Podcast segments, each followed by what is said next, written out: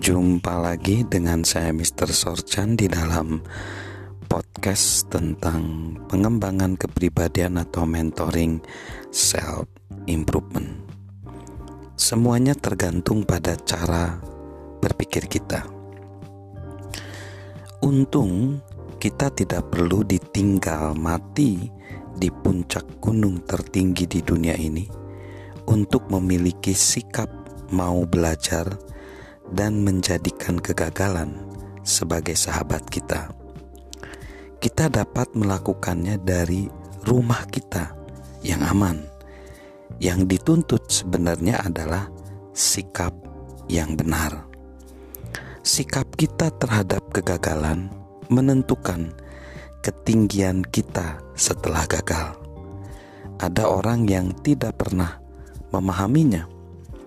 Umpamanya kejadian seperti yang dialami John H. Holiday, pendiri sekaligus editor dari Indianapolis News. Suatu hari, ia keluar dari kantornya dan mencari-cari orang yang telah mengeja kata dengan salah, yaitu hate menjadi high, di mana kurang huruf E.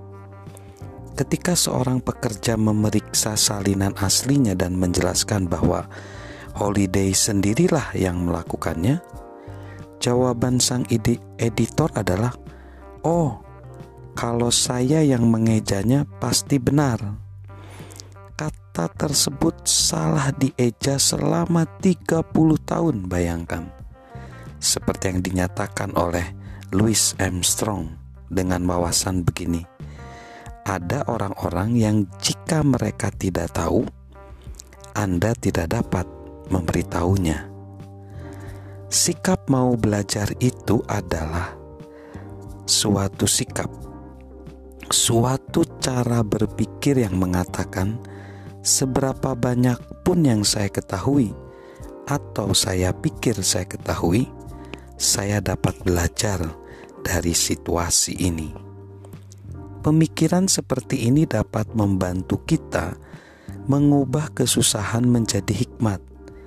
Kita bisa menjadi pemenang dalam keadaan-keadaan yang paling sulit sekalipun. Sidney Harris merangkum unsur-unsur dari sikap berpikir yang dapat diajar seperti ini. Seorang pemenang mengetahui seberapa banyak yang masih harus dipelajarinya, sekalipun ia sudah dianggap ahli oleh orang lain. Seorang pecundang ingin dianggap ahli oleh orang lain sebelum menyadari betapa sedikit yang ia ketahui. Penulis bidang bisnis Jim Jablowski menulis, bertentangan dengan keyakinan kebanyakan orang saya menganggap kegagalan sebagai suatu keharusan dalam bisnis. Jika Anda tidak gagal setidaknya lima kali sehari, Anda mungkin kurang berbisnis. Semakin Anda banyak berbisnis, semakin sering Anda gagal. Semakin sering Anda gagal, semakin banyak Anda belajar. Semakin banyak Anda belajar, semakin baik Anda jadinya. Kata kuncinya di sini adalah belajar.